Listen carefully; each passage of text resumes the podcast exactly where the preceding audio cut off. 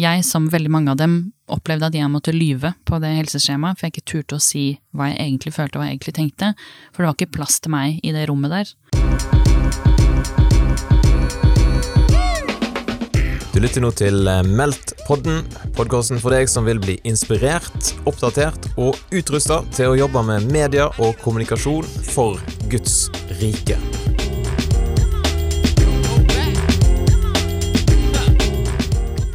Da har jeg fått med meg Julie og Valsø Stemmer. ja, i studio her. Og du har vært med i dag, hatt en real talk. Stemmer. Mm. Hva var tematikken du løfta fram i dag? Eh, hvordan fortelle historier på Instagram. Ja, og Ja.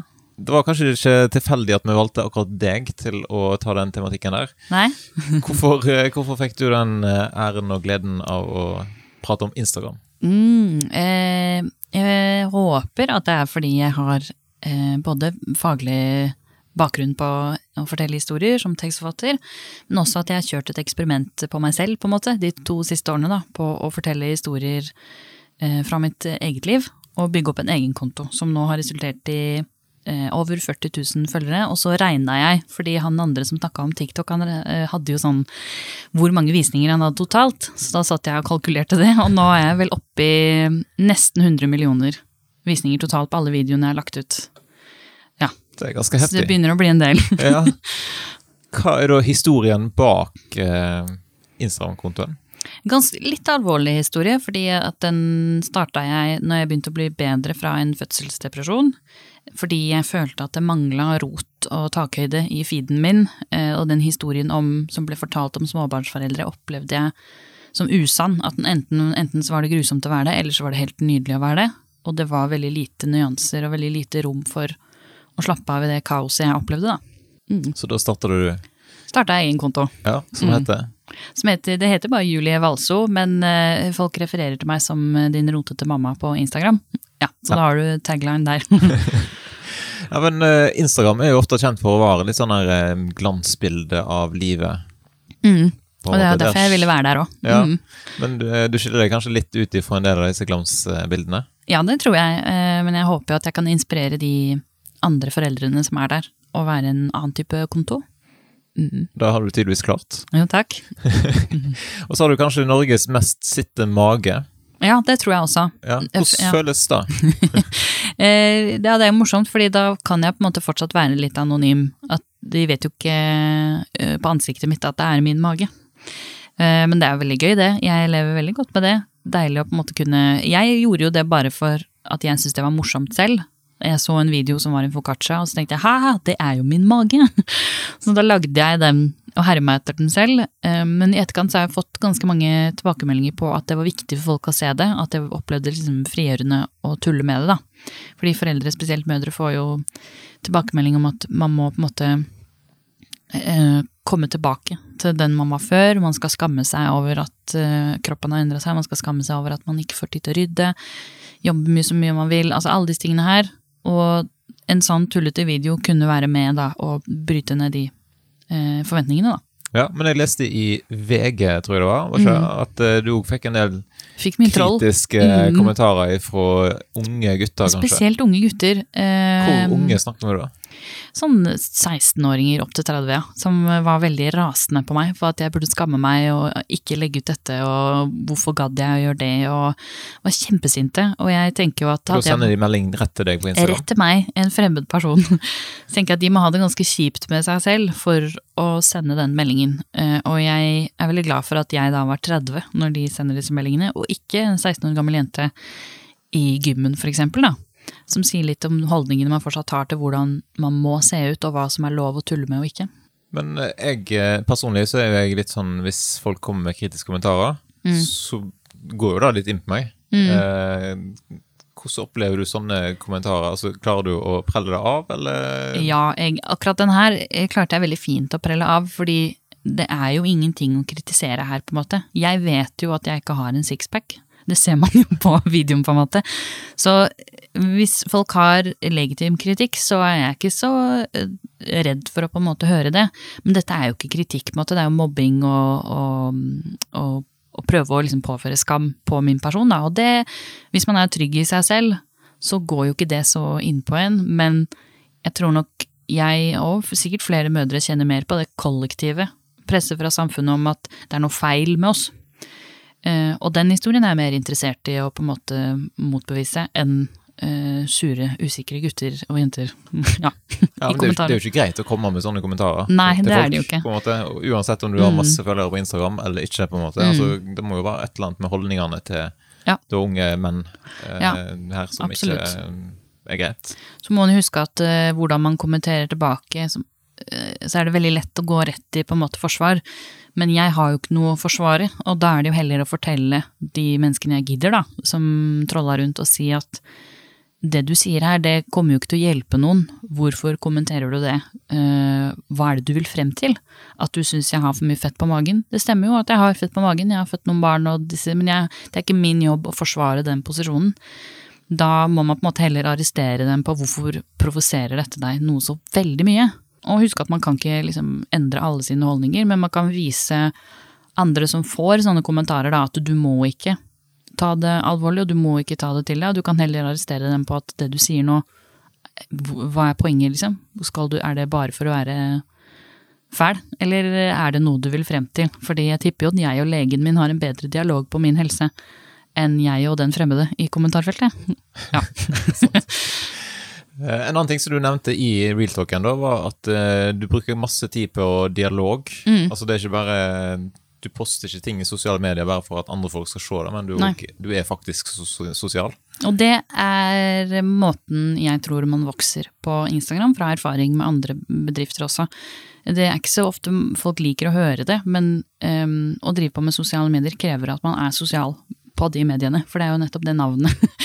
det ligger jo litt i det. Så det er jo på en måte, ja det sa kanskje 90 eh, eh, kundeservice, at man på en måte snakker med de folka som følger deg, og de er jo ikke kunder av deg, men man kan jo være det hvis du har en bedrift. Og resten av tiden er å produsere det innholdet. Men det er ikke noe poeng å være til stede hvis du ikke har lyst til å formidle et budskap og høre fra de du formidler det til. Men du må jo bruke ganske masse tid, da, siden du har såpass mange ja. tusen følgere. da, og ja. Jeg er jo en av de, og jeg ser jo da at du har masse, du stiller spørsmål, du svarer, du, du mm. er aktiv med følgerne. Mm. Hvor masse tid i løpet av en vanlig dag kan du bruke? Alt fra seks til tre timer, tror jeg. Det er jo, jobben min er jo der, så da bruker jeg jo en del tid der. Blitt flinkere på å ikke scrolle sånn tankeløst, da, at jeg, når jeg er der, så er det jobb bruker litt tid på morgenen og litt tid på kvelden på å svare, og så poster jeg innhold på ettermiddag og kvelden. Da har du på en måte eh, Du kan ikke ha en vanlig arbeidstid, da. Du må fordele de timene selv. Ja, for nå lever du rett og slett av den kontoen?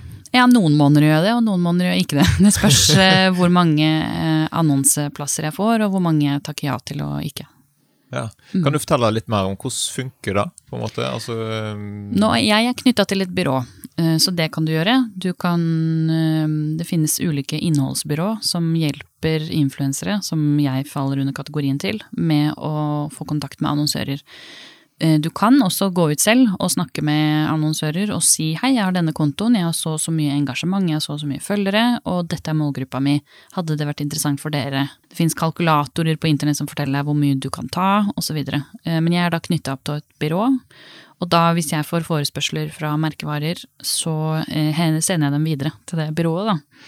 Eh, og så forhandler de priser og sånn for meg. Men per nå, det er jo ikke noe hemmelig, så ligger jeg på mellom 10 og 14 000 på én post og én story. Og én story er da fem eller seks sanne videoer eller bilder i storyen på Instagram. Eh, mens mitt byrå tar jo da en prosentandel av det, så jeg sitter jo ikke igjen med det, jeg sitter igjen med kanskje sju tusen ja, av det. Mm. Og så er det skatt og så er det, skatt og så videre. Så man blir jo ikke rik av dette før man har kanskje en halv million følgere og man takker ja til veldig masse oppdrag. Men for meg så er jeg jo en heldig posisjon hvor jeg kan takke nei til det jeg ikke føler passer inn på kanalen. da. Ja, for du har noen måte, kriterier for ting som eh... mm. Jeg har jo en litt sånn miljøprofil og familieprofil, så da sier jeg jo nei til de jeg ikke føler står inne for det, da, for eksempel. Mm. Nå har det vært meldt eh, konferanse her i dag. Du har ikke fått med deg alt eh, for du kom til lunsj. Mm. Men det som du har fått med deg, da, har det vært noe som har vært nyttig for deg? Jeg likte veldig godt Ivo som pratet om formidling via lyd, og høre om hvordan hun jobber med podkastene.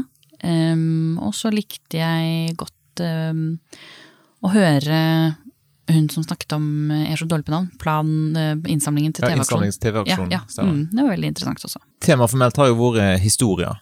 Ja. Uh, har du en historie om uh, noe som har skjedd på Instagram? Altså Hva har det som du har delt, fått å bety for publikummet Mm. ditt? Et eksempel veldig konkret er at um, da jeg hadde fødselsdepresjon, så ble det plukka opp gjennom et skjema på helsestasjonen. Jeg la ut det spurte om andre har fått med seg dette skjemaet, og over halvparten av følgerne mine hadde ikke hørt om dette skjemaet, hadde ikke blitt presentert for det, og følte ikke at de kunne fortelle helsepersonell hvordan de egentlig hadde det. Og det det har ført til, er jo at eh, flere har blitt eh, klar over hvor mangelfull barselomsorgen er, for eksempel. Um, og at jeg kan slutte meg til ganske uh, fine rekker som uh, Bunadsgeriljaen og barselopprøret med å være med og fremme det budskapet om at uh, kvinner kan få lov å ta sin egen helse på alvor. Jeg, som veldig mange av dem, opplevde at jeg måtte lyve på det helseskjemaet, for jeg ikke turte å si hva jeg egentlig følte og hva jeg egentlig tenkte, for det var ikke plass til meg i det rommet der. Det var handlet kun om babyen min og hvordan babyen min hadde det, og hvis babyen min hadde det bra, så var det ikke så farlig med meg. Så det er ingen instans som plukker opp mor etter fødsel. Etter fødselen så er det bare du er ferdig, ha det bra. Så det er en av de konkrete tingene, og da fikk jeg mange hundre historier på innboksen min av folk som hadde blitt svikta av det helsevesenet, da. Og så har jeg veldig mange i helsevesenet som også følger meg, som sa takk, jeg visste ikke at det var stå så dårlig til på den og den eh, i den og den kommunen. Takk for at du sier det. Jeg syns også dette her er for dårlig. Og det er jo en av de tingene jeg liker aller best med det. At jeg får lov å ha samtaler med folk som kan gjøre en forskjell, da. Hvis du ser framover, da, for du har jo du har vært med på Meldt eh, noen år, Mm. og har hatt litt ulike eh, roller og ting. Stemmer. Eh, Hva tenker du, hvis du skulle gi noen tips da, til de som styrer med Meldt framover, hva skulle du ønske at en eh, satte på agendaen? Jeg og du snakka jo litt uformelt om det faktisk nede i der med kafeen uh, her på Meldt. Og en av de tingene jeg kunne tenkt meg, er at det var litt mer konkret også, for det er veldig mange som er på Meldt, som har lyst til å starte prosjekter, som har lyst til å lage egne kanaler, men som mangler da penger, rett og slett, til å få det til. Um, og det fins jo utrolig mange fond, det fins annonsører som kan hjelpe disse kanalene opp å stå. Så en av mine ønsker var litt mer sånne konkrete kurs på Meldt, hvor man kan Hvordan skriver man en god søknad? Hvordan kontakter man annonsører? Hva sier man?